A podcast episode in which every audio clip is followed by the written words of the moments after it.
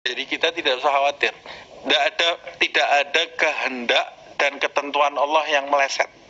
Allah itu maha mendengar, maha tahu. Kita tidak lebih tahu dari Allah, tapi kadang-kadang karena kita terlalu bersandar dengan amal dan logika kita, kadang-kadang Allah ini kita anggap kita lebih tahu dari Allah. Ini gimana nih sudah jam segini belum ada rezeki yang datang? Allah lebih tahu. Kamu tidak usah bingung, Allah lebih tahu. Andaikan tidak datang itu yang betul. Andaikan hari ini harusnya saya membayar kepada seseorang sejumlah sekian dan saya sudah melaksanakan ikhtiar sampai di puncaknya, lalu ternyata rezeki itu tidak datang seperti yang kita rencanakan, itu yang betul.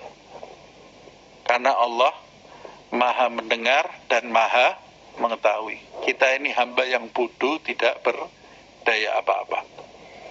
Sama seperti Nabi Musa dan kaumnya waktu dikejar Fir'aun. Kaumnya semua mengatakan mati kita. Di belakang ada Fir'aun, di depan ada laut. Tapi Nabi Musa enggak. Allah itu lebih tahu dan mendengar kejadian kita. Ma'i Rabbi, kata Nabi Musa. Aku punya Tuhan. Pasti Allah akan memberi petunjuk. Saya yahdin.